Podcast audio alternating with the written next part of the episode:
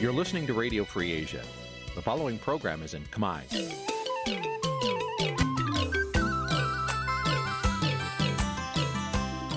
Nǐ chi càm bi tiệp xáy vệt chiu a zì sê ray នេះជាកម្មវិធីផ្សាយរបស់ Vithu Azisari ជាភាសាខ្មែរ វត្តឈូអាស៊ីសេរីសូមស្វាគមន៍លោកអ្នកនាងទាំងអស់ពីរដ្ឋធានី Washington នៃសហរដ្ឋអាមេរិកបានពីរដ្ឋធានីវ៉ាស៊ីនតោនខ្ញុំបាទសនចាររថាសូមជម្រាបសួរលោកអ្នកនាងអ្នកស្ដាប់វិទ្យុអេស៊ីសរ៉ៃទាំងអស់ជាទីមេត្រីខ្ញុំបាទសូមជូនការផ្សាយសម្រាប់ព្រឹកថ្ងៃច័ន្ទ900ខែចេសឆ្នាំថោះបញ្ញស័កពុរសករាជ2567ត្រូវនៅថ្ងៃទី12ខែមិថុនាគ្រិស្តសករាជ2023បានជាដំបូងនេះ សូមអញ្ជើញលោកអ្នកនាងស្ដាប់ព័ត៌មានប្រចាំថ្ងៃដែលមានមេតិការដូចតទៅ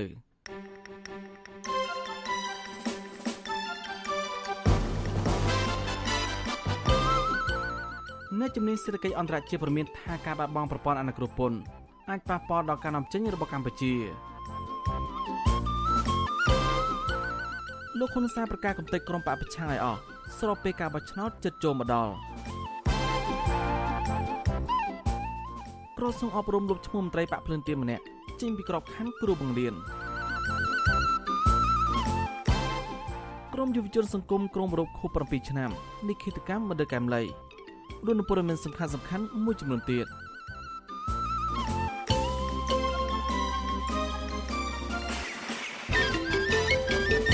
បាទជាបន្តទៅនេះខ្ញុំបាទសនចាររថាសូមជូនព័ត៌មានពិស្ដា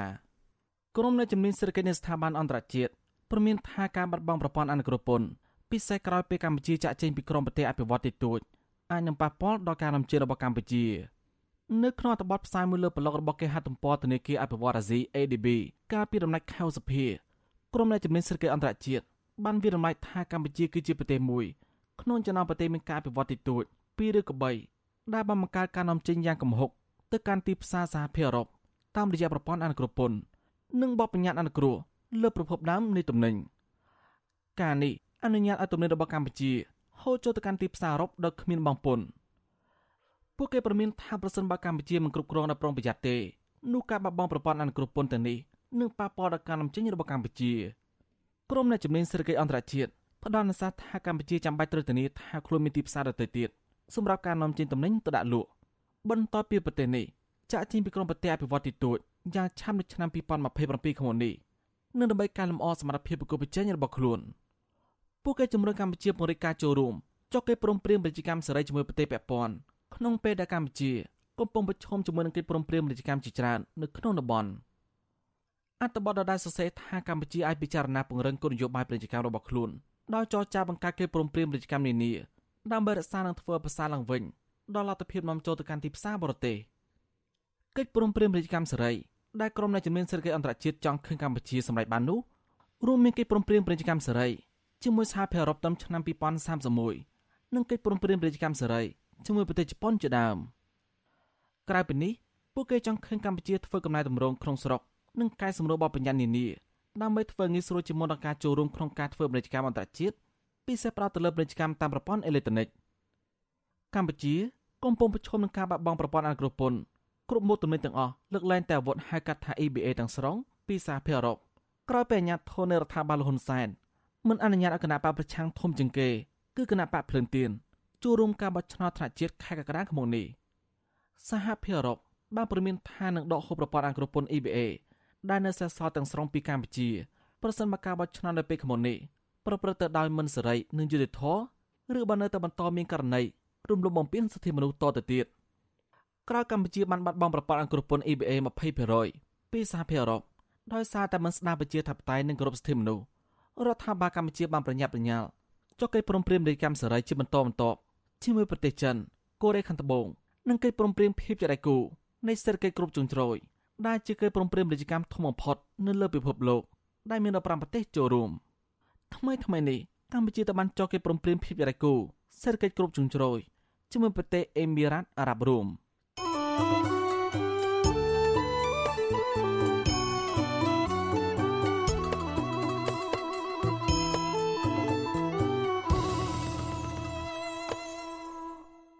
បានលោកនៅនាងជាទីមន្ត្រីលោកនាយករដ្ឋមន្ត្រីហ៊ុនសែនប្រកាសជាថ្មីទៀតក្នុងការដាក់ផែនការតាមកំតិចក្រុមបកប្រឆាំងឲ្យអស់ដែលលោកអានឋានដើម្បីការពារសន្តិភាពមន្ត្រីបកប្រឆាំងនៅអ្នកវិភាគចាត់ទុកការគម្រាមរបស់លោកហ៊ុនសែននេះថាជាអំពើខុសច្បាប់ និងជាការភ័យខ្លាចក្រុមបកប្រឆាំងធ្វើរង្គោះរង្គើដល់ស្ថិរភាពអំណាចរបស់លោក បានលោកនាងនឹងមកស្ដាប់សេចក្តីរាយការណ៍ពីរឿងនេះនៅពេលបន្តិចទៀតនេះបាទសូមអរគុណបានលោកនាងជាទីមន្ត្រីមន្ត្រីបាក់ភ្លើងទៀននៃក្រសួងអប់រំលុបឈ្មោះចេញពីក្របខ័ណ្ឌគ្រូបង្រៀននៅខេមរៈមន្ត្រីខចិត្តឲ្យចាត់ទុកថាទៅវិញនេះជាប់ពាក់ព័ន្ធរឿងនយោបាយនិងអយុត្តិធម៌បំផុតសម្រាប់មន្ត្រីរាជការដែលមាននិន្នាការមិនស្របនឹងបកកណ្ដាលអំណាច មន្ត្រីអង្គការសង្គមស៊ីវិលអំពីនៅដាញាធរពិចារណាឡើងវិញហើយក្រសួងពាក់ព័ន្ធគូចោះស្រាវជ្រាវបញ្ហានេះជាបន្ទាន់ដើម្បីស្វែងរកការពិតប្រកបដោយព្យាក្រឹតបានពីរដ្ឋធានីវ៉ាស៊ីនតោនលោកមេរិតរាយការណ៍ព័ត៌មាននេះមន្ត្រីគណៈបកភ្លើងទៀនស្នើដល់ក្រសួងអប់រំយុវជននិងកីឡាឲ្យពិចារណាក្នុងការផ្ដល់ក្របខ័ណ្ឌគ្រូបង្រៀនដល់លោកវិញពីព្រោះលោកមិនបានប្រព្រឹត្តផ្ទុយពីវិជ្ជាជីវៈមន្ត្រីរាជការដោយតាមការចោទប្រកាន់នោះទេ ប្រធានគណៈកម្មាធិការប្រតិបត្តិនៃគណៈបកភ្លើងទៀនប្រចាំខេត្តបន្ទាយមានជ័យលោកសិនវត្ថាប្រាវិសុវស៊ីស្រីថា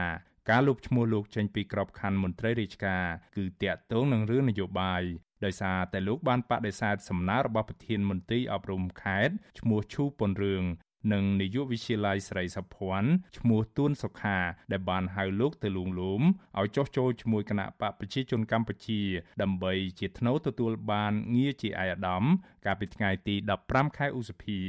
លោកឲ្យដឹងថាក្រោយជំនុំនោះតែ3សប្តាហ៍ក្រសួងអប់រំយុវជននិងកីឡា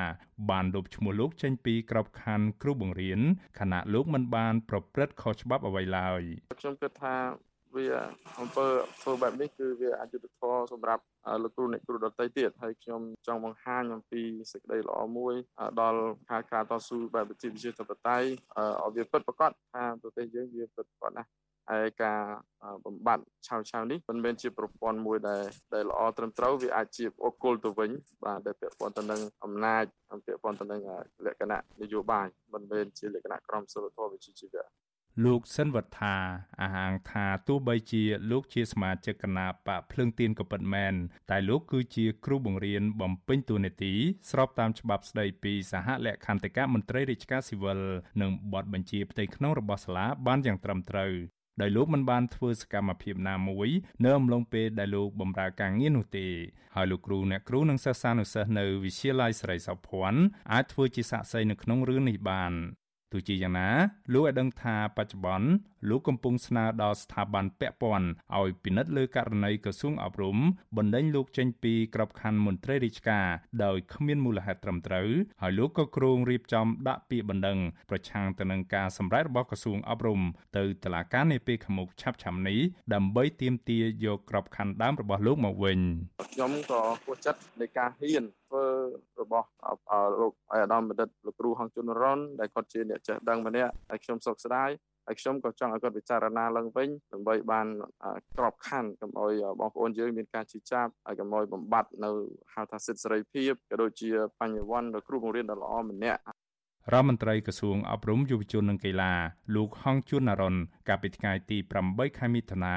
បានប្រកាសលុបឈ្មោះមន្ត្រីគណៈបកភ្លើងទៀនលោកសិនវត្ថាដែលបម្រើការងារជាគ្រូបង្រៀននៅវិទ្យាល័យស្រីសុភ័ណ្ឌខេត្តបន្ទាយមានជ័យក្រុមហេតុផលថាគ្រូបង្រៀនរូបនេះមានកំហុសឆ្គងផ្នែកវិជ្ជាជីវៈជាមន្ត្រីរាជការ ក៏ប៉ុន្តែលិខិតរបស់លោកហងជួនណរុនមិនបានបញ្ជាក់ហេតុផលជាក់លាក់ជុំវិញកំហុសឆ្គងវិជ្ជាជីវៈដែលឈានទៅដល់ការលុបឈ្មោះលោកសិនវត្ថាចេញពីក្របខ័ណ្ឌរដ្ឋនោះទេវិសុវអាស៊ីស្រីមិនអាចតាក់ទងអភិបាលខេត្តបន្ទាយមានជ័យលោកអ៊ុំរិត្រី និងប្រធានមន្ត្រីអប់រំខេត្តលោកឈូពុនរឿងដើម្បីបកស្រាយរឿងនេះបាននៅឡើយទេ នៅថ្ងៃទី11ខែមិថុនា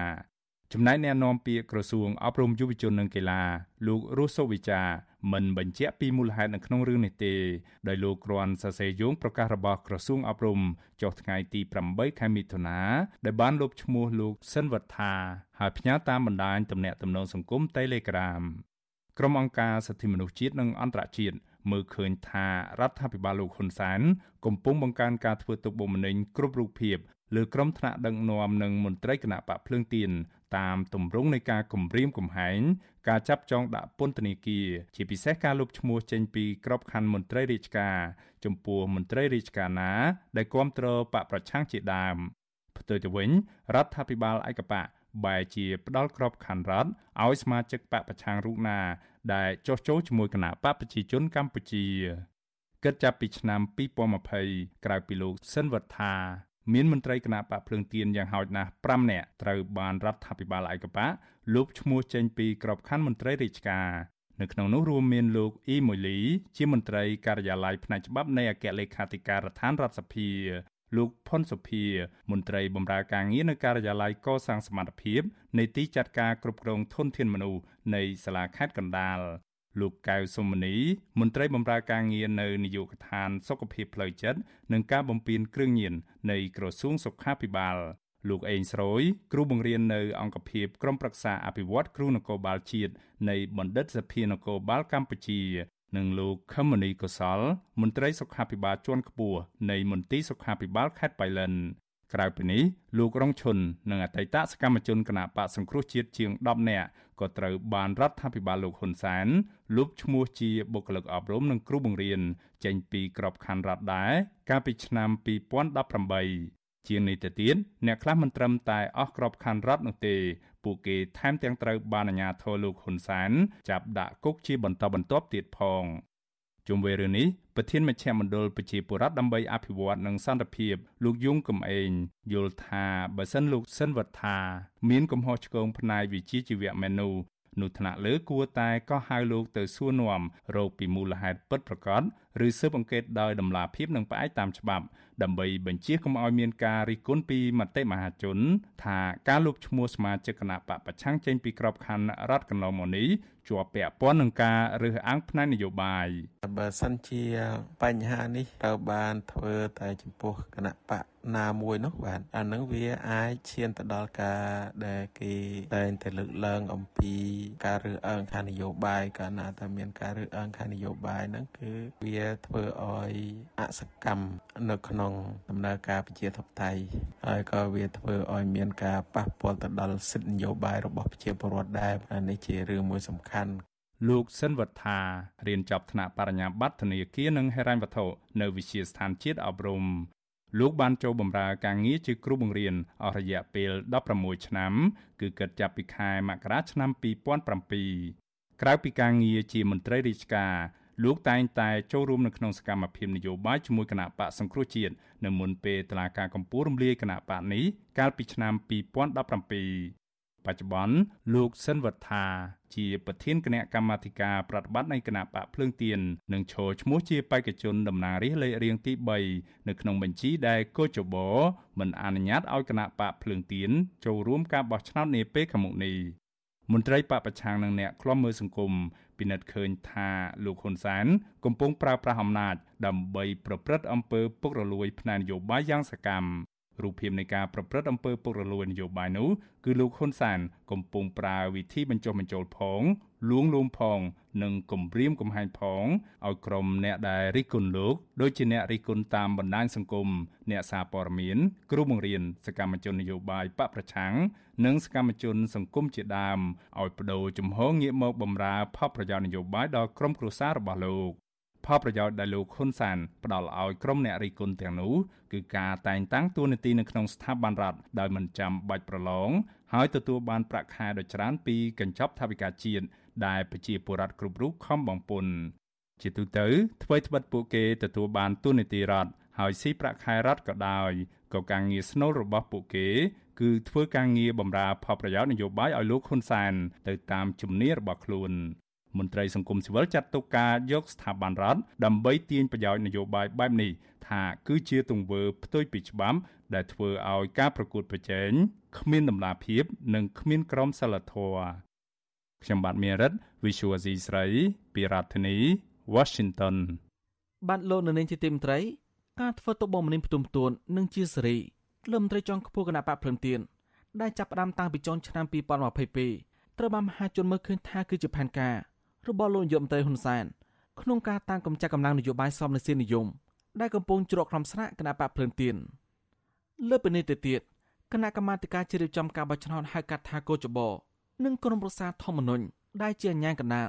ក៏បានសម្រេចតចោលពាក្យបណ្ដឹងនឹងបដិសេធគណៈបកភ្លឹងទៀនមិនឲ្យចូលរួមការបោះឆ្នោតជាសកលអាណត្តិទី7ឆ្នាំ2023នេះទេតើវាសនាចលនានយោបាយសមរសិនិយមដែលបានតស៊ូលើសាយវិនយោបាយកម្ពុជា73ទសវត្សរ៍មកហើយនោះ ដល់ទីបញ្ចប់ឬក៏យ៉ាងណាបាទលោកនាងនឹងមកស្ដាប់បទវិភាគមួយរបស់លោកជុនច័ន្ទបុតអំពីរឿងនេះនៅពេលបន្តិចទៀតនេះបានលោកនាងជាទីមត្រីក្រុមអង្គការសង្គមសវនក្រុមយុវជនសង្គមក្រុងធ្វើពិធីបុណ្យខួប7ឆ្នាំនៃការបាញ់សម្លាប់បណ្ឌិតកែមលីនៅថ្ងៃទី10ខែកក្កដាឆ្នាំនេះការធ្វើពិធីរំលឹកខួបនេះដើម្បីបង្ហាញពីក្តីនៅរលឹកដល់គំរូវីរភាពហើយបន្តទៀមទាអាញាធរវែមុខគិតកោពិត ដើម្បីរកយុទ្ធធរជុំបណ្ឌិតកែមលីបាទពីរដ្ឋធានីវ៉ាស៊ីនតោនលោកជីវតារាយការណ៍ព័ត៌មាននេះគណៈខួប7ឆ្នាំនៃការបាញ់សម្លាប់បណ្ឌិតកែមលីខិតជិតជោគមកដល់មន្ត្រីសង្គមស៊ីវិលក្រមយុវជន និងពលរដ្ឋនៅតែបន្តទាមទារឲ្យរដ្ឋាភិបាលស៊ើបអង្កេតដោយឯករាជ្យដើម្បីចាប់ខ្លួនអ្នកពាក់ព័ន្ធទាំងអស់និងឃាតករពិតមកផ្ដន់ទោសតាមច្បាប់ដើម្បីផ្ដល់យុត្តិធម៌ដល់ជនរងគ្រោះ ប្រធានសមាគមសម្ព័ន្ធនិស្សិតបញ្ញវន្តខ្មែរលោកកើតសរាយប្រាប់វិទ្យុអាស៊ីសេរីនៅថ្ងៃទី11មិថុនាថា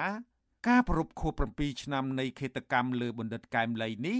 គឺក្រុមយុវជននឹងជួបជុំគ្នានៅមុខខាងកាហ្វេ Star Mart កាល់តិចរាជធានីភ្នំពេញដើម្បីធ្វើពិធីបាំងស្កូលគោរពវិញ្ញាណក្ខន្ធបណ្ឌិតកែមលី តាមព្រះពុទ្ធសាសនា និងជាការពញ្ញាដល់អ្នកនយោបាយឲ្យនិយាយការពិតឈលលើគោលការណ៍ឯករាជ្យ លោកបន្តថាថ្មីត្បិតរយៈពេល7ឆ្នាំនេះបណ្ឌិតកែមលីបានបាត់បង់ជីវិតហើយក្តីក៏យុវជនដែលមានឆន្ទៈបណ្ឌិតកែមលីនៅតែរក្សាគោលជំហរនិយាយការពិត និងធ្វើតាមគំរូវីរភាពរបស់លោកជានិច្ច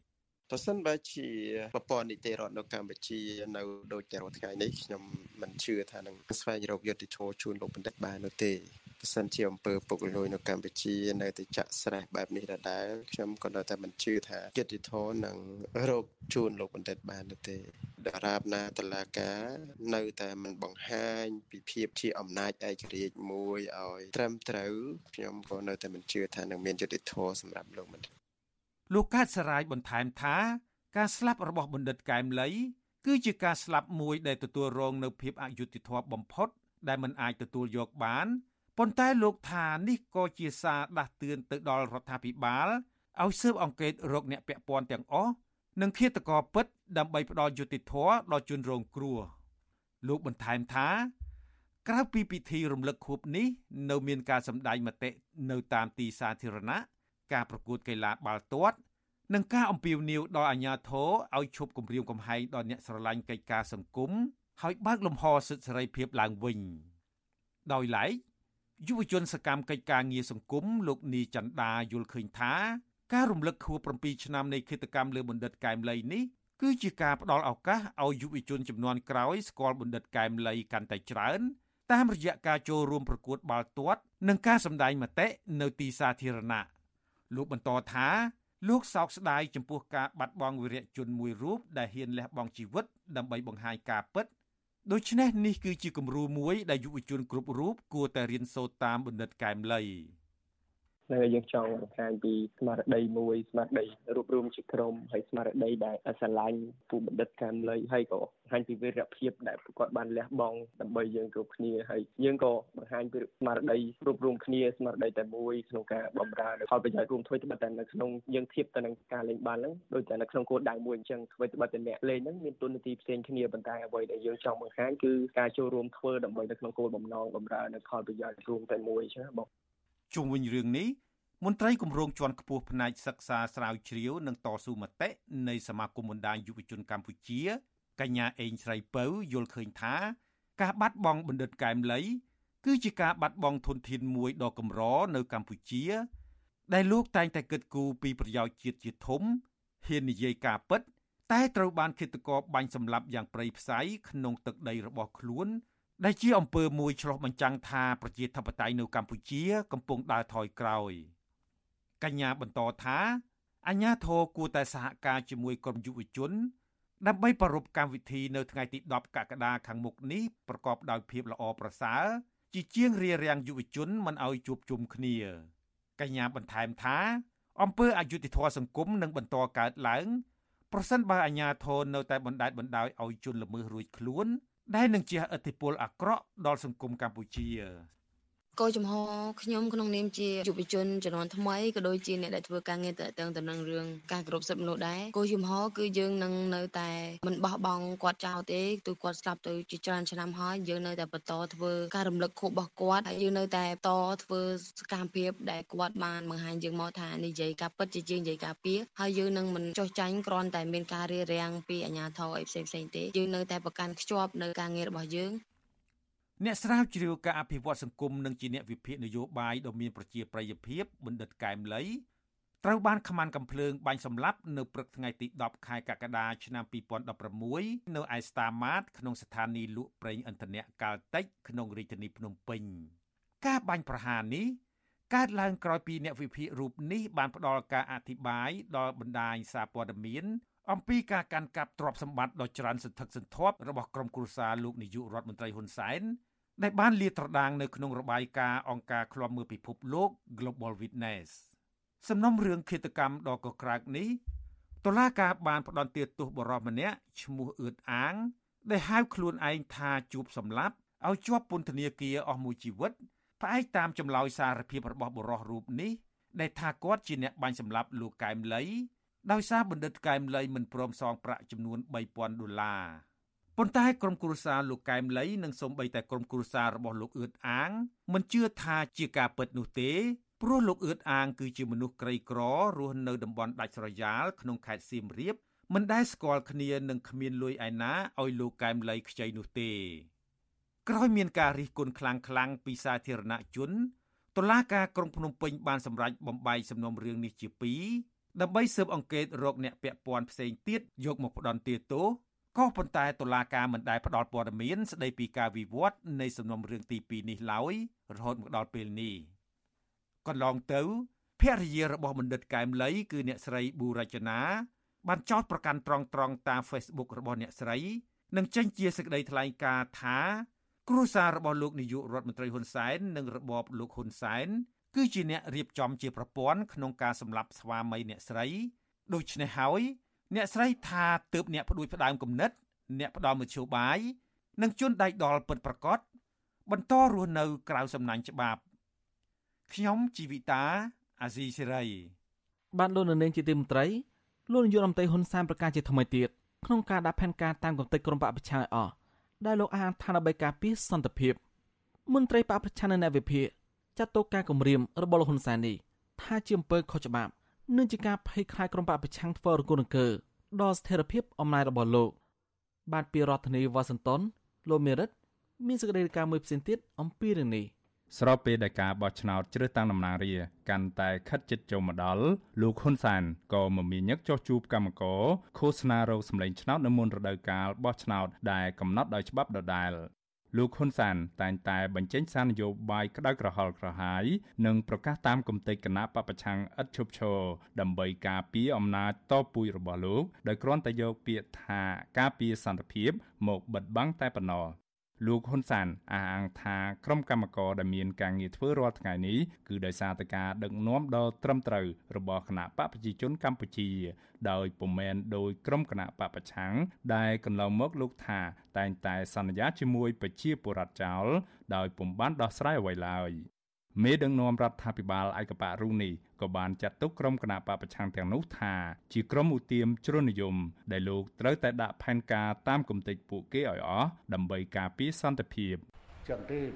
យើងក៏កំពុងរិះរកវិធីដើម្បីកម្ចាត់ក្រុមនេះចោលនិយាយតាមបែបកម្ចាត់នយោបាយជ្រុលនិយមចេញពីកម្ពុជា ដើម្បីធានាថាកម្ពុជានឹងមានសន្តិភាព មានស្ថិរភាពនយោបាយនិងការអភិវឌ្ឍ ដែលពីមួយថ្ងៃទៅមួយថ្ងៃចេះតែមានការកើនឡើងលោកហ៊ុនសានថ្លែងបែបនេះនៅក្នុងពិធីសម្ដែងសម្ដាជាមួយគណៈកម្មការកម្មការនីជិត20000នាក់នៅស្រុកត្រាំកក់ខេត្តតាកែវនៅព្រឹកថ្ងៃទី11ខែមិថុនានេះមិនមែនជាលើកទី1ទេដែលលោកហ៊ុនសែនប្រមានគំតិចក្រមប្រឆាំងកាលពីឆ្នាំ2018កន្លងទៅអតីតកម្មាភិបាលខ្មែរក្រហមរូបនេះក៏បានប្រកាសផែនការតាមគំតិចលោកសំរាស៊ីដោយដែលលោកធ្លាប់បានគំតិចប៉ុលពតផងដែរ ទទោះជាយ៉ាងណាការលើកឡើងរបស់លោកហ៊ុនសែនបែបនេះត្រូវបានមន្ត្រីគណៈបពប្រឆាំងនិងអ្នកវិភាគនយោបាយរិះគន់ថាជាសារនយោបាយប្រជាពិធដើម្បីកេងចំណេញនយោបាយនិងគំរាមកំហែងដល់សកម្មជនគណៈបពប្រឆាំងតែប៉ុណ្ណោះ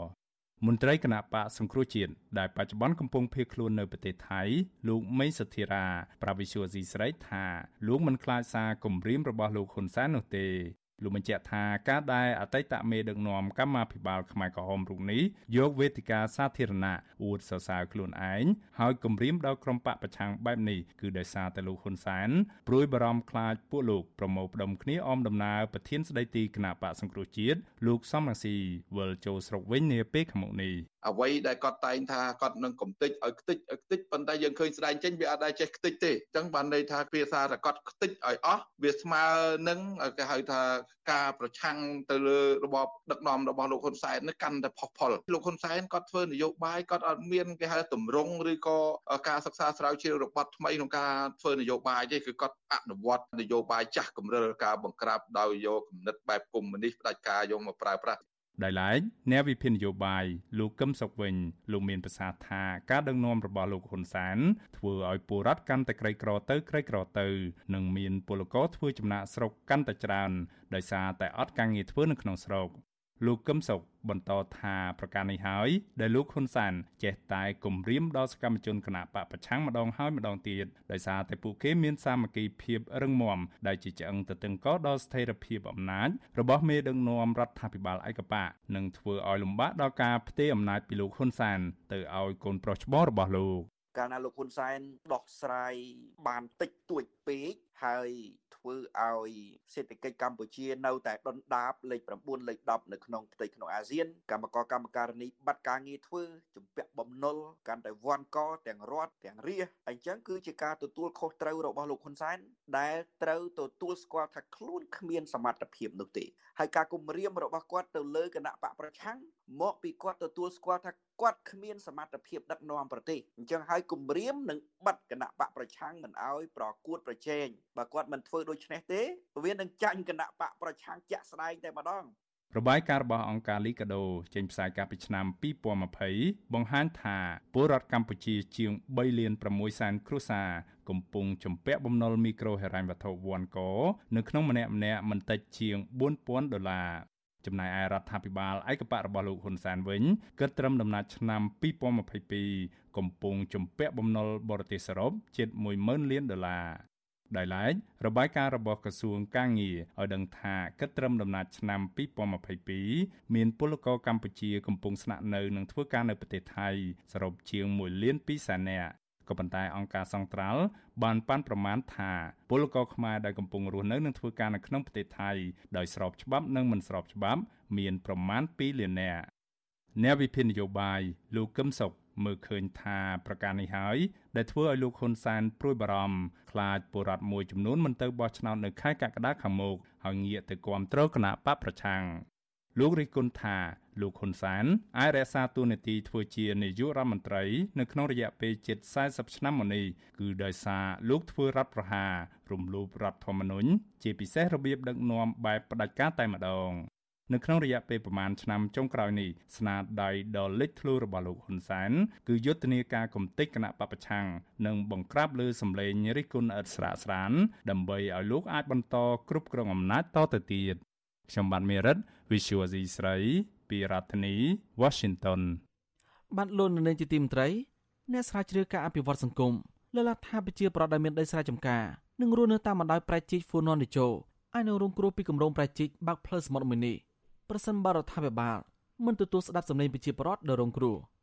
ការលើកឡើងដូចនេះបន្ទាប់ពីរដ្ឋាភិបាលហ៊ុនសែនបានបង្កើតគណៈកម្មការអន្តរក្រសួងមួយដើម្បីដំណើរការអនុវត្តគម្រោងផ្លូវនេះវិចរប្រៃជីហ្វូណនដេជោ បានពីរដ្ឋធានីវ៉ាស៊ីនតោនអ្នកស្រីសុជីវីរាយការណ៍ព័ត៌មាននេះអ្នកស្រាវជ្រាវការអភិវឌ្ឍសង្គមលើកឡើងថាដោយសារអភិបាលកិច្ចនៅកម្ពុជា នៅតែមានភាពទន់ខ្សោយដូច្នេះប្រជាពលរដ្ឋដែលមានដីធ្លីចំគម្រោងរដ្ឋាភិបាលត្រូវអភិវឌ្ឍតែងតែមានក្តីបារម្ភថាមិនអាចទទួលបានសំណងសមរម្យពីផលប៉ះពាល់ដីធ្លីរបស់ពួកគាត់អ្នកស្រាវជ្រាវការអភិវឌ្ឍសង្គមបណ្ឌិតមាសនេះលើកឡើងថាទោះបីជាគម្រោងព្រែកជីកដេជោហ្វូណន ជួយសម្រួលការដឹកជញ្ជូនតាមផ្លូវទឹកនិងលើកកម្ពស់សេដ្ឋកិច្ចជាតិក្តីប៉ុន្តែលោកនៅតែបារម្ភថាគម្រោងដែលចាយទឹកប្រាក់រាប់ពាន់លានដុល្លារអាមេរិកនេះអាចនឹងធ្វើឲ្យប៉ះពាល់ទៅដល់ប្រជាពលរដ្ឋនៅក្នុងមូលដ្ឋាន ដែលមានដីនៅអមសងខាងព្រៃជីកលោកបន្ថែមថាលោកគាំទ្រចំពោះការបង្កើតឲ្យមានគណៈកម្មការអន្តរក្រសួងដើម្បីសម្រួលការអនុវត្តគម្រោងប្រជិកប្រវត្តិសាស្ត្រនេះប៉ុន្តែលោកនៅតែព្រួយបារម្ភថាប្រជិក ដែលសម្រួលនាវាចរពីដែនទឹកសមុទ្រនេះនឹងមិនអាចផ្ដល់ផលប្រយោជន៍ទៅដល់ប្រជាពលរដ្ឋក្រីក្របានឡើយខណៈការអនុវត្តគោលនយោបាយអភិបាលកិច្ចល្អនៅតែមានភាពទន់ខ្សោយ។បើសិនជារដ្ឋាភិបាលមិនបានមើលឲ្យគ្រប់ជ្រុងជ្រោយទៅប្រមាណថាព្រែកនេះមិនទាន់នឹងបានជីផងអ្នកមានអ្នកមានអុកញ៉ាធំធំទៅទិញដីយកតាមបណ្ដោយព្រែកនឹងអស់ទៅហើយអ្នកដែលនៅតំបន់នេះជួនកាលត្រូវទទួលរងការបណ្ដេញចេញអីចឹងទៅអាហ្នឹងវាធ្វើបកកឲ្យមានបញ្ហាកាន់តែច្រើន គមណាពួកយើងមានឧទាហរណ៍ច្រើនហើយកន្លែងខ្លះមកថាប្រព័ន្ធធារាសាស្ត្រហ្នឹងដល់ទៅពេលមានប្រព័ន្ធធារាសាស្ត្រមកដីតាមបដោយប្រព័ន្ធធារាសាស្ត្រទៅដីរបស់អ្នកមានបោះដីអ្នកមានអំណាចទាំងអស់ទីចុងផុតពលរដ្ឋផ្ទៃក្រត្រូវបានគេរុញចេញពីដីហ្នឹងណាការលើកឡើងដូចនេះធ្វើឡើងបន្ទាប់ពីរដ្ឋាភិបាលកាលពីថ្ងៃទី7ខែមិថុនាបានបង្កើតឲ្យមានគណៈកម្មការអន្តរក្រសួងមួយមានសមាជិក35នាក់ដែលមានសមាជិកភាពមកពីក្រសួងសាធារណការនិងដឹកជញ្ជូនក្រសួងសេដ្ឋកិច្ចនិងហិរញ្ញវត្ថុ ក្រសួងបរិស្ថាន និងក្រសួងមហាផ្ទៃជាដើម ដើម្បីដំណើរការអនុវត្តគម្រោងផ្លូវនាវាចរដេជោហ្វូណនរដ្ឋមន្ត្រីក្រសួងសាធារណការនិងដឹកជញ្ជូនលោកសុនចន្ទថលត្រូវបានតែងតាំងជាប្រធានគណៈកម្មការអន្តរក្រសួងហើយកិច្ចការទាំងឡាយរបស់គណៈកម្មការអន្តរក្រសួងក៏ត្រូវប្រើប្រាស់ត្រារបស់ក្រសួងសាធារណការនិងដឹកជញ្ជូនផងដែរជំវិញការបង្កើតគណៈកម្មការអន្តរក្រសួងនេះលោកមាសនេះយល់ឃើញថាគឺជាការចាំបាច់ ព្រោះការអនុវត្តគម្រោងប្រជិកផ្លូវនាវាចរតម្រូវឲ្យមានក្រសួងជាច្រើនធ្វើការជាមួយគ្នាទោះយ៉ាងណាលោកថាគណៈកម្មការអន្តរក្រសួងក៏មិនអាចធ្វើការប្រកបដោយប្រសិទ្ធភាពបានឡើយព្រោះកន្លងមកប្រធានគណៈកម្មការអន្តរក្រសួងតែងតែធ្វើការសម្រេចចិត្តដោយខ្លួនឯងនិងពេលខ្លះការងារអនុវត្តគម្រោងមិនបានធ្វើឡើងតាមអ្នកបច្ចេកទេសនោះទេដោយត្រូវធ្វើតាមអ្នកដែលមានអធិបុលនយោបាយទៅវិញនៅស្រុកយើងចំការពេលខ្លះអ្នកបច្ចេកទេស ទៅដាក់ខ្លួនទៀបពេកនៅក្រោមអធិបុលនយោបាយដែលទីចុងផុតទៅគាត់ក៏មិនហ៊ាននិយាយអីស្រេចលើអ្នកនយោបាយគាត់ថាណាវាអាចធ្វើឲ្យអន្តរក្រសួងឬអន្តរស្ថាប័នហ្នឹងក៏មិនសូវបានបំពេញតួនាទីតាមស្អីដែលជាសមត្ថភាពពិតប្រាកដរបស់ខ្លួនឯងគម្រោងប្រែកជីកដេជោហ្វូណនដែលនឹងបង្កើតឲ្យមានផ្លូវនាវាចរពីសមុទ្រទៅកំពង់ផែក្រុងភ្នំពេញក្រុងចំណាយថវិកា1700លានដុល្លារអាមេរិកដែលប្រើរយៈពេល4ឆ្នាំដើម្បីបញ្ចប់ ប្រែកជីកដែលនឹងសម្រួលផ្លូវនាវាចរពីដែនសមុទ្រមកកាន់កំពង់ផែស្វយ័តក្រុងភ្នំពេញនេះមានចម្ងាយប្រមាណ180គីឡូម៉ែត្រដោយត្រូវជីកព្រែកដែលមានទទឹងទំហំ200ម៉ែត្រឆ្លងកាត់ខេត្តកណ្ដាលខេត្តតាកែវកំពតនិងខេត្តកែបដែលមានប្រជាពលរដ្ឋប្រមាណ1លាន6សែននាក់រស់នៅអមសងខាងផ្លូវទឹកនេះវិទ្យុអាស៊ីសេរីនៅមិនទាន់អាចតេតតแนะនាំពាក្យរដ្ឋាភិបាលលោកផៃស៊ីផានដើម្បីសុំការបកស្រាយជុំវិញរឿងនេះបាននៅឡើយទេនៅថ្ងៃទី11ខែមិថុនា ជុំវិញរឿងនេះដែរប្រធានមជ្ឈមណ្ឌលប្រជាពលរដ្ឋដើម្បីអភិវឌ្ឍលោកយងកំអេងលើកឡើងថាប្រជិកដែលភ្ជាប់ផ្លូវនាវាចរពីដែនសមុទ្រមកទន្លេមេគង្គប្រកាសជាផ្ដល់ផលប្រយោជន៍ច្រើនទៅដល់សេដ្ឋកិច្ចជាតិទោះជាយ៉ាងណាលោកនៅតែព្រួយបារម្ភពីការរំលោភសិទ្ធិដីធ្លី និងផលប៉ះពាល់បរិស្ថាន ពីការអនុវត្តគម្រោងនេះលោកបន្ថែមថាដើម្បីបញ្ជាការអភិវឌ្ឍដែលនាំឲ្យប្រជាពលរដ្ឋដែលមានដីចំព្រៃជីកនេះរងគ្រោះ គណៈកម្មការអន្តរក្រសួងត្រូវតែធ្វើការប្រកបដោយមូលាភាពហើយប្រសិនបើមានការតវ៉ាពីសំណាក់ប្រជាពលរដ្ឋរងគ្រោះអាជ្ញាធរគួរតែអន្តរាគមន៍ដោះស្រាយជាជាងចោតប្រកាន់ប្រជាពលរដ្ឋរងគ្រោះថាជាក្រុមប្រឆាំងអាការដោះស្រាយហ្នឹងគឺបើកាលណាគាត់ដោះស្រាយ ជាមួយគាត់អត់បាន តែតែចោតប្រកាន់គាត់ថាងពួកបពប្រឆាំងដែលចឹងហើយដែលធ្វើឲ្យប្រជាពលរដ្ឋនឹងគាត់មិនសក់ចិត្តបាទព្រោះថារឿងដីធ្លីរឿងដែលពាក់ព័ន្ធជាមួយនឹងផលប្រយោជន៍របស់គាត់សោះប៉ុន្តែទៅឯណាផ្សារភ្ជាប់គាត់ជាមួយអ្នកនេះអ្នកនោះជួនកាលផ្សារភ្ជាប់គាត់ទៅណាក្រមជ្រុលនិយមក្រមនេះក្រមនោះចឹងទៅគឺជាបរដ្ឋមែនទែនវាពិបាកទទួលយករឿងអស់ហ្នឹងអង្គការសង្គមស៊ីវិលជាតិនិងអន្តរជាតិកន្លងមករកឃើញថា គម្រោងអភិវឌ្ឍភាគច្រើនមិនបានផ្ដល់ផលប្រយោជន៍ទៅឲ្យប្រជាពលរដ្ឋនៅតាមមូលដ្ឋាននោះឡើយប៉ុន្តែបែរជាបង្កផលប៉ះពាល់ទៅដល់ប្រជាពលរដ្ឋនៅតាមមូលដ្ឋានទៅវិញជាក់ស្ដែងប្រជាពលរដ្ឋរាប់ពាន់គ្រួសារបានរងគ្រោះពីការបាត់បង់ដីធ្លីនិងទទួលសំណងមិនសមរម្យពីក្រុមហ៊ុន OCIC ដែលកសាងប្រលានយន្តហោះអន្តរជាតិថ្មីនៅក្នុងខេត្តកណ្ដាលអ្នកវិភាគនិងអ្នកស្រាវជ្រាវដើម្បីការអភិវឌ្ឍសង្គមលើកឡើងថាកត្តាសំខាន់ ដែលធ្វើឲ្យការអភិវឌ្ឍតែងតែនាំឲ្យប្រជាពលរដ្ឋរងគ្រោះគឺដោយសារការប្រព្រឹត្តអំពើពុករលួយជាប្រព័ន្ធការអនុវត្តច្បាប់នៅមានភាពទន់ខ្សោយនាងខ្ញុំសុជីវីវិទ្យុអាស៊ីសេរីពីរដ្ឋធានី Washington អាស៊ីសេរីបានលោកនាងជាទីមន្ត្រីវិទ្យុអាស៊ីសេរីនឹងផ្សាយ podcast កម្ពុជាសប្តាហ៍នេះនៅរៀងរាល់ព្រឹកថ្ងៃសៅរ៍មកនៅកម្ពុជា podcast នេះរៀបចំដោយនាយកនិងនាយករង នៃកម្មវិធីផ្សាយវិទ្យុអាស៊ីសេរីជាភាសាខ្មែរគឺលោកសំពូលីនិងលោកជុនច័ន្ទបតសូមប្រិយមិត្តស្វែងរកនិងស្ដាប់ podcast របស់យើង នៅលើកម្មវិធី podcast របស់ Apple Google និង Spotify ដោយគ្រាន់តែសរសេរពាក្យថាកម្ពុជាសប្តាហ៍នេះឬ Cambodia This Week នៅក្នុងប្រអប់ស្វែងរកយើងក៏នឹងចាក់ផ្សាយ podcast នេះឡើងវិញនៅក្នុងកម្មវិធីផ្សាយផ្ទាល់របស់យើងតាមបណ្ដាញសង្គម Facebook YouTube និង Telegram នៅរៀងរាល់យប់ថ្ងៃច័ន្ទមកនៅកម្ពុជា បាទសូមអរគុណ បានលោកនៅនៃជាទីមត្រីមន្ត្រីអង្គការសង្គមស៊ីវិលស្នើក្រុមជំនាញរដ្ឋាភិបាលអនុវត្តច្បាប់លើអ្នកនៅពីក្រោយនៃការទន្ទ្រានយកដីព្រៃទើបការការពារដីព្រៃមានប្រសិទ្ធភាពការស្នើនេះស្របពេលលហ៊ុនស្ថាប័នបញ្ជាគណៈកម្មការជាតិដើម្បីទប់ស្កាត់អំក្រាបល្មើសធនធានធម្មជាតិទប់ស្កាត់ការទន្ទ្រានដីព្រៃដែលកំពុងកើតឡើងខ្លាំងនៅគៀកការបោះឆ្នោតបានពីរដ្ឋធានីវ៉ាស៊ីនតោនលោកជីវតា មានសេចក្តីរាយការណ៍មួយផ្សេងទៀតអំពីរឿងនេះ មន្ត្រីសង្គមស៊ីវិលលើកឡើងថាអ្នកទន្ទ្រានដីព្រៃសុទ្ធតែត្រូវបានលើកទឹកចិត្តនឹងការពារពីក្រុមអ្នកមានអំណាចនិងអ្នកមានលុយកាក់ដែលមិនមែនជាក្រុមពលរដ្ឋសាមញ្ញឡើយមន្ត្រីសមាគមការពារសិទ្ធិមនុស្សអាត6ប្រចាំខេត្តកំពង់ឆ្នាំងនិងខេត្តពោធិ៍សាត់លោកសំច័ន្ទគា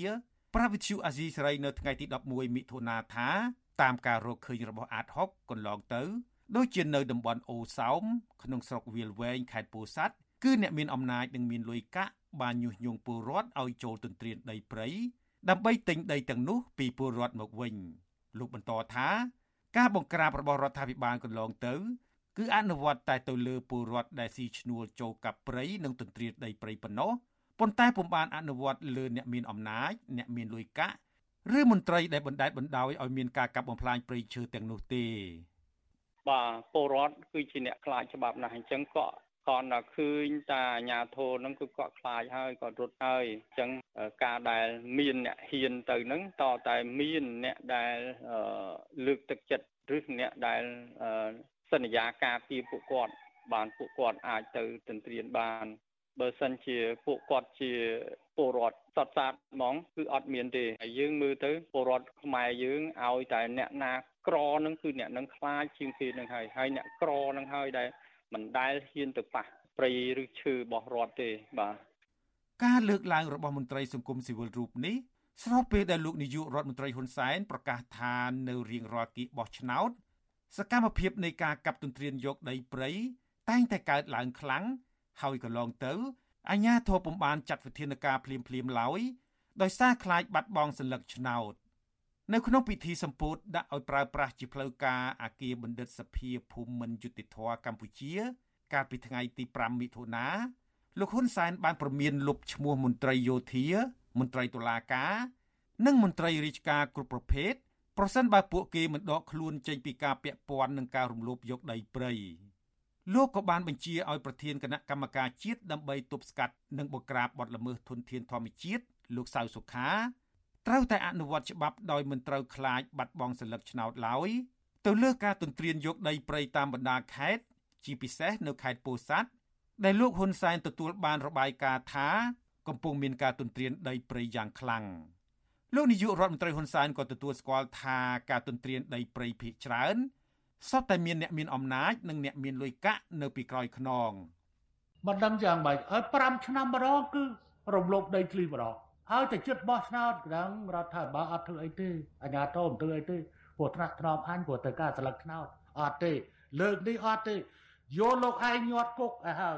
មុតបោះឆ្នោតបែរឯងទៅបោះលើឯងចេះម្ដងមើលប៉ុន្តែណាស់តែអាញាធរខ្លះគាត់ព្រមធ្វើគាត់ឃើញហើយគាត់ព្រមធ្វើគាត់ព្រមព្រមធ្វើបានតែត្រូវចេញសារត្រូវចេញសារ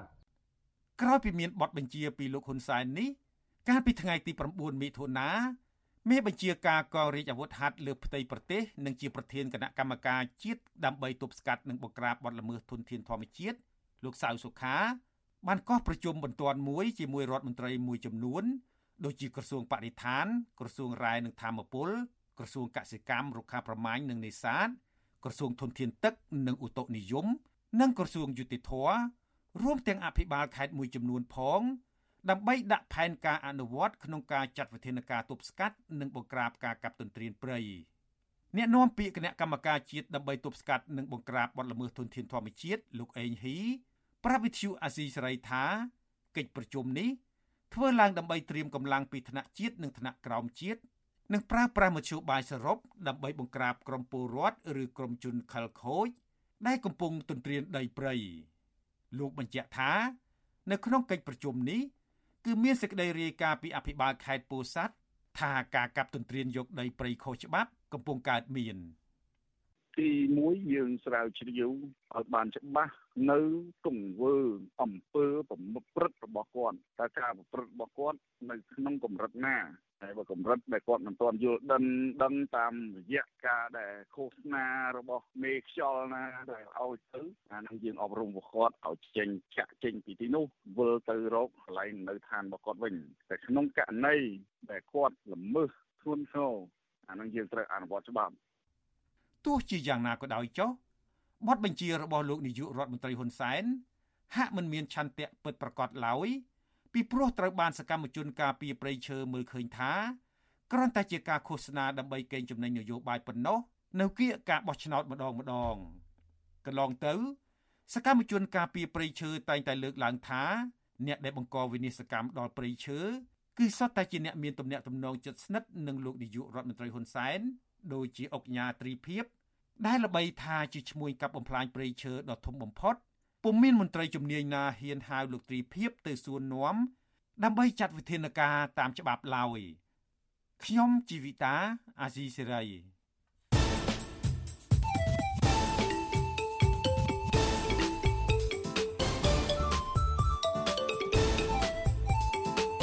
បាត់វិភាគ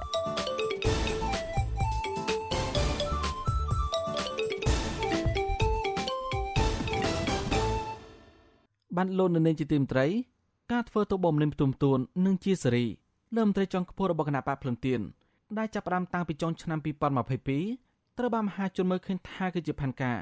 ក្នុងការតាមកម្ចាត់កម្លាំងនយោបាយសមរម្យនិយមដែលកំពុងជ្រកខំស្រាកគណៈបកភ្លឹងទៀនលើពីនេះទៀតគណៈកម្មាធិការជ្រៀបចំការបោះឆ្នោតហៅកាត់ថាកោចបនិងក្រមប្រសាធម្មនុនដែលជាអាញាកដាល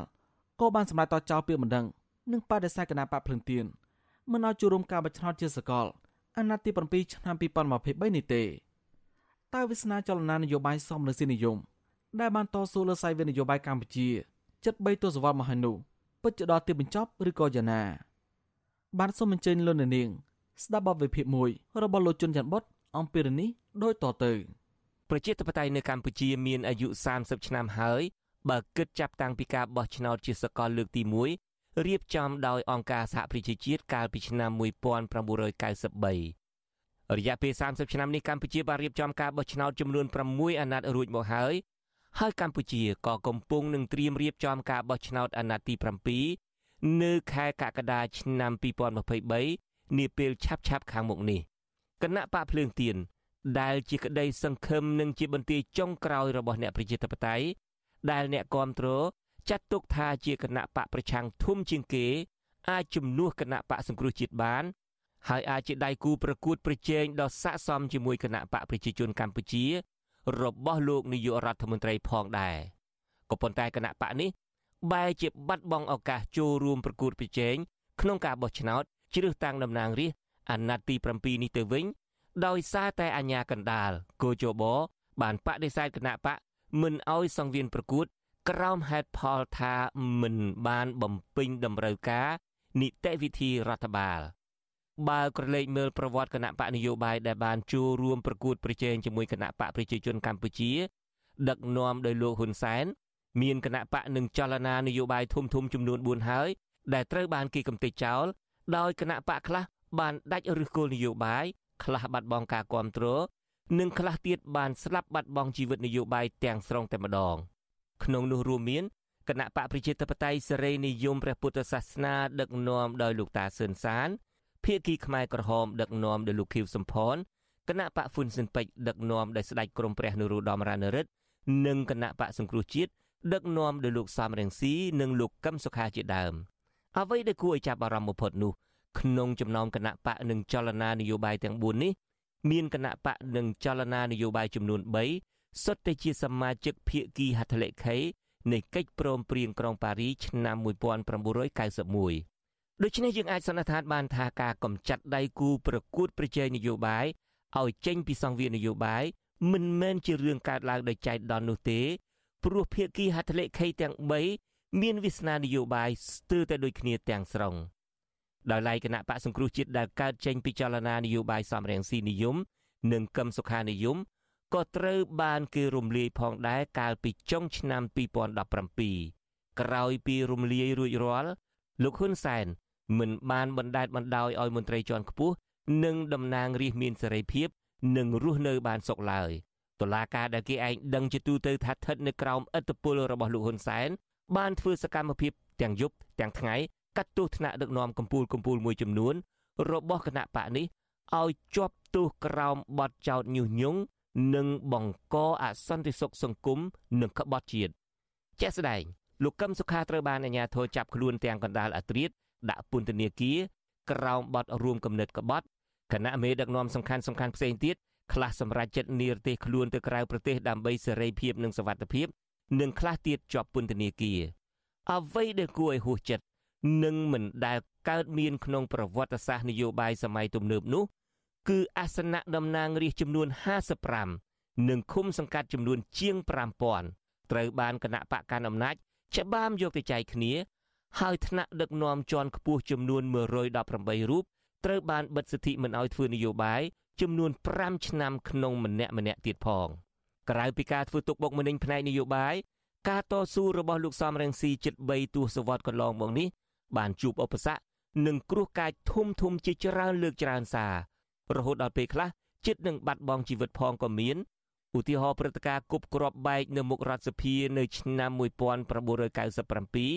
ត្រូវបានមតិជាតិនិងអន្តរជាតិសន្និដ្ឋានដូចគ្នាថាគឺជាចេតនាផ្ដាច់ជីវិតលោកសំរងស៊ីតែម្ដងរបាយការណ៍ FBI របស់សហរដ្ឋអាមេរិករកឃើញថាការគប់គ្រាប់បែកនេះគឺរៀបចំឡើងដោយមេកងអង្គរៈរបស់លោកនាយករដ្ឋមន្ត្រីហ៊ុនសែនគឺលោកហ៊ីងប៊ុនហៀងក៏ប៉ុន្តែជាសំណាងល្អ លោកសំរងស៊ីបានរួចជីវិត ដោយសារកងអង្គរៈរបស់លោក យកខ្លួនមកពាំងជំនួសព្រឹត្តិការណ៍នោះបានឆក់ជីវិតជនស៊ីវិលចំនួន16នាក់និង150នាក់ទៀតរងរបួសទោះបីជាលោកសំរងស៊ីត្រូវបានគេធាក់ចេញពីសង្វៀននយោបាយកម្ពុជាជាច្រើនឆ្នាំហើយក៏ដោយក៏ប្រលឹងនៃចលនាសំរងស៊ីនិយមនៅមិនទាន់ស្លាប់ឬដាច់ឫសគល់នយោបាយនៅឡើយទេថ្មីថ្មីនេះប្រលឹងនយោបាយសំរងស៊ីនិយម បានជ្រកក្រោមស្លាកគណៈបកភ្លើងទៀនដែលមានរចនាសម្ព័ន្ធដឹកនាំថ្មីមួយ ហើយបានត្រៀមខ្លួនរួចជាស្រេចក្នុងការចូលរួមបោះឆ្នោតឆ្នាំ2023នេះតែជាអកុសល ចាប់តាំងពីដើមឆ្នាំមកតុលាការរបបក្រុងភ្នំពេញ បានស្ទុះស្ទាញាប់ដៃញាប់ជើងចាត់ការទៅលើថ្នាក់ដឹកនាំជាន់ខ្ពស់របស់គណៈបកភ្លើងទៀនជាបន្តបន្ទាប់ហើយចុងក្រោយគណៈកម្មាធិការជាតិរៀបចំការបោះឆ្នោតគោជប និងក្រមប្រឹក្សាធម្មនុញ្ញបានបិទវាំងនូនចុងក្រោយ គឺបញ្ចប់សិទ្ធិចូលរួមការបោះឆ្នោតរបស់គណៈបកភ្លើងទៀនតែម្ដងសិភៅមួយដែលមានចំណងជើងថាអំណាចនឹងការដឹកនាំនិពន្ធដោយលោក Joseph Ye សាស្ត្រាចារ្យបង្រៀននៅសាកលវិទ្យាល័យ Oxford ចក្រភពអង់គ្លេសបោះពុំក្នុងឆ្នាំ2008បានសរសេរអំពីបុគ្គលិកលក្ខណៈមេដឹកនាំផ្ដាច់ការ ឬអ្នកដឹកនាំបែបអថានិយមថាពួកគេមានភាពបត់បែនខ្ពស់ ចេះរស់ជាមួយនឹងទណ្ឌកម្មផ្សេងផ្សេងហើយស៊ាំនឹងការប្រែប្រួលនយោបាយបានយ៉ាងល្អក្រោយពីពួកគេបានស៊ាំនឹងបរិយាកាសនយោបាយថ្មីហើយពួកគេក៏ចាប់ផ្ដើមរកគន្លឹះបំផ្លាញប្រព័ន្ធដឹកនាំថ្មីទាំងនោះម្ដងបន្តិចម្ដងបន្តិចរហូតដល់ពួកគេអាចយកវាមកប្រើជាឧបករណ៍អំណាចរបស់ពួកគេតែម្ដងលើសពីនេះទៅទៀតពួកគេតែងប្រើប្រាស់មធ្យោបាយនិងយុទ្ធសាស្ត្រស្មុគរោគ ក្នុងការកម្ចាត់ដៃគូប្រកួតប្រជែងរបស់ខ្លួនជាប្រចាំស្រដៀងគ្នានឹងអ្វីដែលលោកសាស្ត្រាចារ្យ Joseph Ye បានលើកឡើង បើក្រឡេកមើលកម្ពុជាឯនេះវិញលោកហ៊ុនសែនដែលគេស្គាល់ថាជាជនកុម្មុយនីសបានក្រលាស់ខ្លួនមកជាជនផ្ដាច់ការសម័យទំនើបបានយ៉ាងប៉ិនប្រសប់និងបានឆក់ឱកាសបន្សាំខ្លួនដោយភាពអត់ធ្មត់ក្នុងរបបប្រជាធិបតេយ្យក្រោយមកបានចាប់ផ្ដើមប្រើយុទ្ធសាស្ត្រស្មោករោគបន្តិចម្ដងបន្តិចម្ដង ចាត់ការទៅលើគូប្រកួតប្រជែង ដើម្បីធានាក្នុងការក្រាញអំណាចរយៈពេលវែងរបស់ខ្លួន ជាក់ស្ដែងប្រព័ន្ធប្រជាធិបតេយ្យដែលបានអនុវត្ត30ឆ្នាំកន្លងមកនេះត្រូវបានលោករំខានជាប្រចាំស្ថាប័នឯករាជ្យរដ្ឋដូចជាតុលាការដែលធានាភាពយុត្តិធម៌សង្គមគោចបដែលធានាការបោះឆ្នោតដោយសេរីនិងយុត្តិធម៌ក្រមប្រឹក្សាធម្មនុញ្ញដែលជាអង្គការកម្ពុជាធ្វើការបកស្រាយច្បាប់រដ្ឋធម្មនុញ្ញកម្លាំងប្រដាប់អាវុធធានាសន្តិសុខនិងសន្តិភាពសង្គម បានក្លាយជាឧបករណ៍អំណាចហើយធនធានជាតិនិងសម្បត្តិជាតិបានក្លាយជារបស់ជាយភ័ណ្ឌកាន់ក្តាប់អំណាចរដ្ឋយុទ្ធសាស្ត្រមួយដែលលោកនាយករដ្ឋមន្ត្រីនិយមប្រើជាងគេដើម្បីរក្សាអំណាចនិងចាត់ការលើអ្នកចង់មកដណ្ដើមពីលោកនោះគឺយុទ្ធសាស្ត្រកំចាត់ដែលគេស្គាល់ជាភាសាអង់គ្លេសថា defeat strategy និងក្រោយមកក្លាយជាយុទ្ធសាស្ត្រទុកឲ្យឯកានឹងបញ្ចប់ហៅជាភាសាអង់គ្លេសថា IF strategy យុទ្ធសាស្ត្រនេះត្រូវបានលោកនាយករដ្ឋមន្ត្រីហ៊ុនសែនយកមកច្នៃប្រើជាមួយបរិបទកម្ពុជា ដែលដំណើរការដោយយុទ្ធវិធី5គឺសម្លុតទិញចរចាបំបែកនិងកំទេចយុទ្ធសាស្ត្រនេះលោកនាយករដ្ឋមន្ត្រីហ៊ុនសែនមិនមែនប្រើសម្រាប់តែកម្ចាត់ដៃគូប្រកួតប្រជែងនយោបាយប៉ុណ្ណោះទេ គេក៏ឃើញយុទ្ធសាស្ត្រនេះត្រូវបានលោកប្រើជាញឹកញាប់ជាមួយផ្ទៃក្នុងគណៈបកប្រជាជនកម្ពុជាខ្លួនឯងផងដែរ ទន្ទឹមនឹងការក្រសោបយកស្ថាប័នជាតិសំខាន់សំខាន់មកកាន់ក្តាប់លោកនាយករដ្ឋមន្ត្រីហ៊ុនសែនក៏មិនបានបន្ធូរដៃក្នុងការធ្វើទុកបុកម្នេញនិងកំចាត់ដៃគូនយោបាយដែលប្រកួតប្រជែងក្នុងចេតនាដណ្ដើមអំណាចពីខ្លួនឡើយគណៈបកភ្លើងទៀនដែលជាផ្នែកនយោបាយចំនួនទី4បន្ទាប់ពីគណៈបកជាតិខ្មែរគណៈបកសំរងស៊ីនិងគណៈបកសង្គ្រោះជាតិនឹងបានដុសចេញជាពន្លកកាលពី8ឆ្នាំមុន ដែលផ្ដួចផ្ដើមឡើងដោយលោកសំរងស៊ីបានកសាងកម្លាំងនយោបាយរបស់ខ្លួនបន្តិចម្ដងបន្តិចម្ដង រហូតបានក្លាយជាចលនានយោបាយដ៏ធំមួយដោយសារការធ្វើទុកបុកម្នេញនឹងតាមយាយីចលនានយោបាយមួយនេះបានផ្លាស់ប្ដូរយុទ្ធសាស្ត្រជាច្រើនទម្រង់និងដូរឈ្មោះគណៈបកជាច្រើនលើកទោះជាយ៉ាងណាក៏ដោយគណៈបកនេះ បានស្លាប់តែឈ្មោះប៉ុណ្ណោះដោយប្រលឹងគណៈបកឬចលនាសំរងស៊ីនិយមនេះ បានរស់ រាយប៉ាយទូទាំងប្រទេសនៅឡើយមិនតែប៉ុណ្ណោះព្រលឹងនេះកំពុងតែតាមបំភ័យនិងតាមយាយីអំណាចរបស់លោកនាយករដ្ឋមន្ត្រីហ៊ុនសែនជាប្រចាំរហូតមកដល់ពេលបច្ចុប្បន្ននេះទំនងជាបែបនេះហើយទើបលោកនាយករដ្ឋមន្ត្រីហ៊ុនសែនមិនដែលភ្លេចតាមកំចាត់ព្រលឹងសំរងស៊ីនិយមតាមគ្រប់រូបភាពទោះទៅជ្រកក្រោមគណៈបកណាក៏ដោយហើយថ្មីថ្មីនេះលោកសំរងស៊ីដែលជាម្ចាស់ព្រលឹងត្រូវបានលោកនាយករដ្ឋមន្ត្រីហ៊ុនសែន គម្រាមប្រើកំជ្រួចវងប្រភេទរ៉ុកកែតប្រតិកម្ម122មីលីម៉ែត្រ BM21 បើសិនជាហ៊ានចូលស្រុកតាមប្រទេសថៃទាំងនេះសបញ្ជាក់ថាលោកហ៊ុនសែនទោះបីជាតាមព្យាបាទនឹងតែងតែអួតអាងថាលោកមានជ័យជំនះលើលោកសំរងស៊ីនិងអ្នកគ្រប់គ្រងលោកសំរងស៊ីក៏ដោយឈ្មោះលោកសំរងស៊ីរូបថតលោកសំរងស៊ីសំឡេងលោកសំរងស៊ីវត្តមានលោកសំរងស៊ី នៅតែធ្វើឲ្យលោកហ៊ុនសែនភ័យស្លន់ស្លោគ្មានទីបញ្ចប់ខ្ញុំជួនច័ន្ទបុត With you Azizi Saray Washington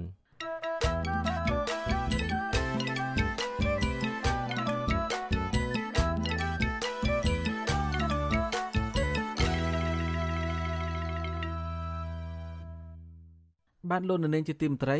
ប្រជាប្រដ្ឋក្រីក្រដែលរស់នៅលើគំនរសម្រាប់នៅបឹងជើងឯកកំពុងព្រួយបារម្ភការជំងឺសន្តិរោគនិងជំងឺផ្សេងៗទៀត បន្ទាប់ពីមានភ្លៀងធ្លាក់នៅរដូវវស្សាពួកគេស្នើដល់រដ្ឋាភិបាលជួយយកចិត្តទុកដាក់បញ្ហាសុខភាពហើយគិតគូរពីបញ្ហាជីវភាពដល់ជនក្រីក្រដោយពួកគាត់បាទពីរដ្ឋធានីវ៉ាស៊ីនតោនលោកយ៉ងច័ន្ទរារាយការណ៍ព័ត៌មាននេះ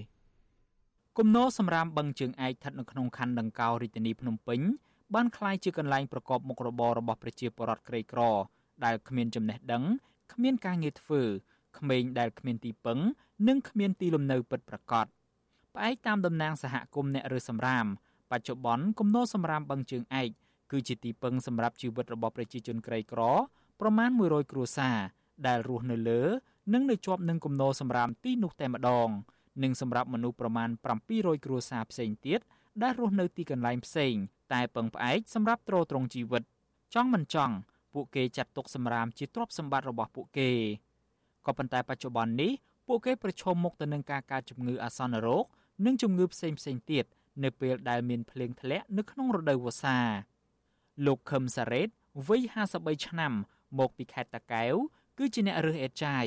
និងរស់នៅលើគំនរសម្រាមនេះអស់រយៈពេល7ឆ្នាំមកហើយលោករៀបរាប់ទាំងខ្លួនជាប់ក្លិនស្អុយប្រាប់វិទ្យុអាស៊ីសេរីនៅថ្ងៃទី7ខែមិថុនាថាប្រជាពលរដ្ឋរស់នៅលើគំនរសម្រាមបង្ខំចិត្តតស៊ូរើសអេតចាយទាំងខ្លួនកំពុងមានជំងឺ ពីព្រោះតែជីវភាពពួកគាត់ខ្វះខាត ចំណែកអ្នកខ្លះទៀតតស៊ូរើសអេតចាយទាំងយប់ទាំងថ្ងៃដើម្បីរកលុយផ្គត់ផ្គង់ឲ្យកូនតូចៗបានចូលរៀនបរិះរូបនេះរៀបរាប់ទាំងទឹកមុខក្រៀមក្រំថាពួកលោកតែងតែទទួលនឹងការរើសអើងពីសំណាក់សាធារណជនមួយចំនួនដោយសារពួកលោកជាអ្នករើសអេតចាយនៅលើគំនរសម្រាមមិនសូវមានអ្នករាប់រកហើយជាជនទីទាល់ក្រដែលមិនមានទីលំនៅសមរម្យដូចគេឯងលោកបន្ថែមថាពួកលោក អាចរើសអេតចាយបានប្រាក់ពី30000រៀលទៅ50000រៀលក្នុងមួយថ្ងៃ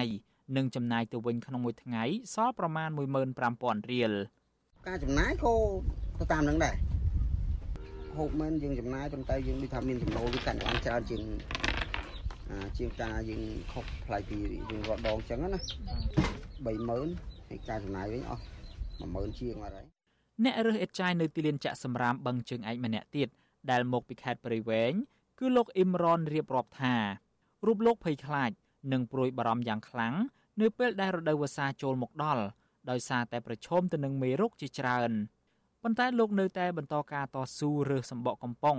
ដបទឹកសុទ្ធផ្លាស្ទិកសម្បកឡាំងដែកយកទៅលក់ដើម្បីជីវភាពគ្រួសារនិងកូនកូនបានចូលរៀន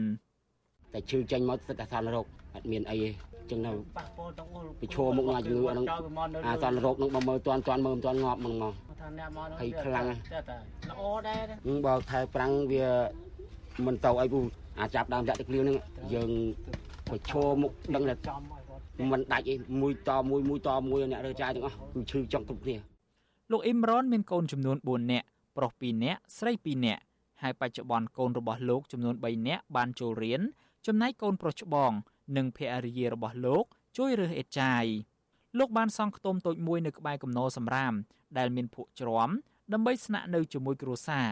រីឯប្រាក់ចំណូលបានមកពីការរើសសម្រាមមិនអាចចាយវាយគ្រប់គ្រាន់នោះទេ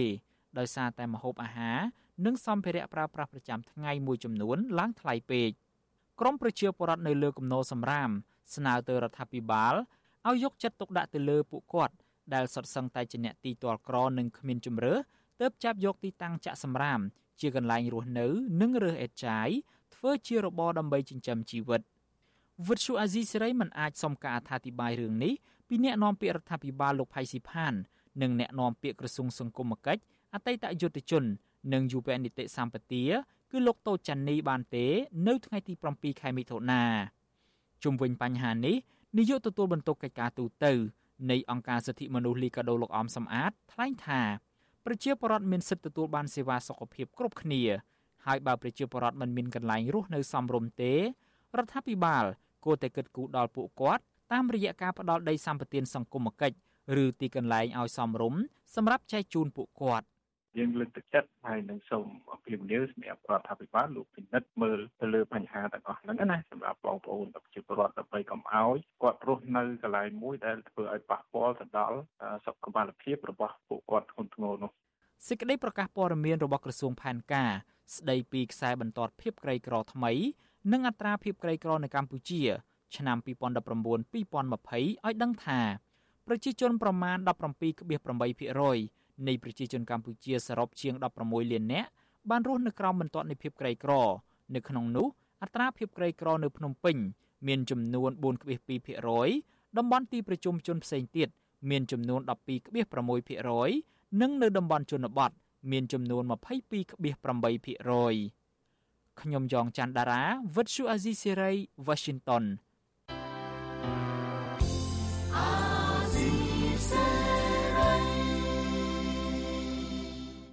បានលោកនាងកញ្ញាអ្នកស្ដាប់វិទ្យុអេស៊ីសរ៉ៃជាទីមេត្រី